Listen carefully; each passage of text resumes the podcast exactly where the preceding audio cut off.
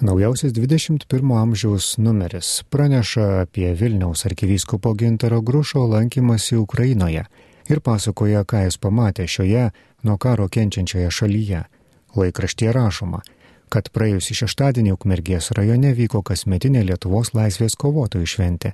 Renginys prasidėjo Lietuvos gimnu prie Ukmergės esančiose Dukstynos kapinėse, prie Monsinjoro Alfonso Svarinsko ir partizanų kapų Čia kalbėjęs Alksnienų ir Didvyžių parapijų klebonas kunigas Mindaugas Martinaitis kreipėsi į šalia palaidotą monsinjorą Alfonsą Svarinską ir partizanus tremtinius laisvės gynėjus. Kunigas sakė, gal nelabai įprasta kreiptis į mirusius, paprastai kalbama su gyvaisiais. Yra patarlė, gyvuosius šaukiu, mirusiosius apraudu, bet pasaulis taip keičiasi, kad laikas keisti patarlę. Mirusiosius šaukiu, gyvuosius apraudu šaukėmės jūsų mirusieji, kurie garbingai gyvenote žemėje ir apraudame gyvuosius, kurie nesupranta gyvenimo prasmės, nemato jo tikslo. Kunigas sakė, kad iš tiesų norisi apraudoti gyvuosius, kurie jungiasi į pamėkliškas procesijas, manydami, kad eina gyvenimo procesija su laisvės, lygybės, seserystės šūkiais ir vėliavomis, tviskančiomis visos vaivorykštės spalvomis. Pasaulis nebe pirmą kartą pasirenka susinaikinimo kryptį moralinis susinaikinimas eina pirma natūralaus. Mes nustoja prie jūsų kapų, mėly rinktiniai mūsų tautos sūnus, norime pasirinkti gėrį, pasilikti Dievo karalystėje, nebūti pasyvų stebėtojai augančio blogio akivaizdoje, sakė kunigas, pastebėdamas, kad šiandien Kristui uždaromos durys. Šiandien Kristus išstumiamas iš pasaulio ir visuomenės, pasaulis ir visuomenė pasmerkia Kristų, nyksta ir pasiduoda povimui ir žlugimui. Paskui netoli Kadrienų kaimo esančiame Monsinjoro Alfonso Svarinsko prie Mūšios upelio įkurtame didžiosios kovos apygardos partizanų parke apaštalinis nuncijus Baltijos šalyse, arkivyskupas Petras Antunas Raičius, abu Lietuvos kardinolai šeši viskupai ir aštuoni kunigai aukojo šventasis mišes. 21 amžius spausdina nuncijaus pasakytą homiliją, kurioje jis be kita ko sakė, iš tiesų lietuviai nenorėjo karo, ar kad jų žemė būtų okupuota svetimų jėgų. Tačiau karas ar okupacija tautai buvo primesta. Lietuviai nenorėjo, kad nacizmas ar komunizmas taptų jų valstybės politinė tvarka, tačiau jie abu įsiveržė ir per jėgą užėmė valdžią mūsų šalyje, sukeldami kraujo upes, kurias sugėrė šios šalies žemė, palikdama praeitie daug aukų, išardytų šeimų praradusių savo mylimus artimuosius. Todėl nestebina tai, jog dalis žmonių jautė poreikį imti ginklus ir ginti savo šalį nuo bedieviško, neteisingo ir žiauraus režimo.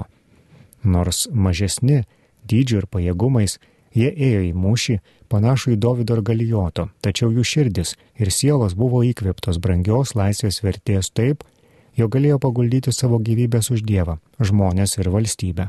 Visi lietuviai iš tiesų norėjo gyventi laisvoje, demokratinėje šalyje, kurią galėtų vadinti sava, gyventi kaip geri kaimynai su aplinkinėmis valstybėmis ir sugyventi broliškoje pagarboje su tais, kurie gyvena šalyje.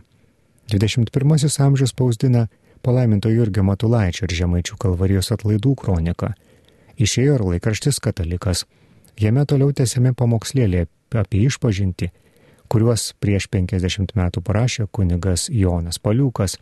Šį kartą jis aiškina, ko verta skubi išpažintis. Jis kreipiasi į tuos, kurie pamatę ilgą eilę prie klausyklos, nori kuo greičiau išpažinti pabaigti, kad jei užtruks, kas nors nepagalvotų, kad labai daug nuodėmių pridarė. Kas eina iš pažinties, visi yra nešventieji ir visi žino, kad ateina ne su gerais darbais, o su nuodėmėmis. Jeigu kas nekantrauja dėl kito užsitęsusios išpažinties, tai dėl to, kad pats ją nori greičiau atlikti ir eiti prie kitų reikalų. O jeigu kas nors iš draugų ar pažįstamų ir pasišaipo, negi dėl to iš pažinties nebeisi, kvaila būtų. Taigi dėl šių dalykų skubėti neverta, nes tada nukenčia iš pažinties kokybė. Kunigas Jonas Paliukas dar aiškina, ko reikia, kad gautum išrišimą. Einantieji iš pažinties turi vieną tikslą - gauti išrišimą iš nuodėmių. Dėl to labiausiai bijo, kad jo negaus, kadangi žino, jog išrišimą ne kiekvienam galima duoti, o patys jaučiasi tokie, kurie gali išrišimo negauti tai kartais imasi apgavystės, kad jį gautų. Norint išrišimą gauti reikia tinkamai išpažinti nuodėmės. Tai būna su visais metiniais Tai yra tais, kurie iš pažinties eina kartą ar du per metus, kurie iš pažinties eina iš įpročio ir dėl jos atlikimo galvos nelaužo, jie pleidžia Velykinės, sekmadienio mišes ir padaro per tą laiką ne vieną kitą negerą darbą, bet prie klausyklos langelio nepasisako, nes rimtai ir to nenori išpažinti. Katalike dar rasime naujienų iš garždų, kedainių, apytalaukio, subačiaus miestelio parapijų. Šią apžvalgą parengė laikraščio redakcija, 21 amžiaus laikraštis naujausias pasirodys rytoj, o perskaitė Andrius Sakalauskas.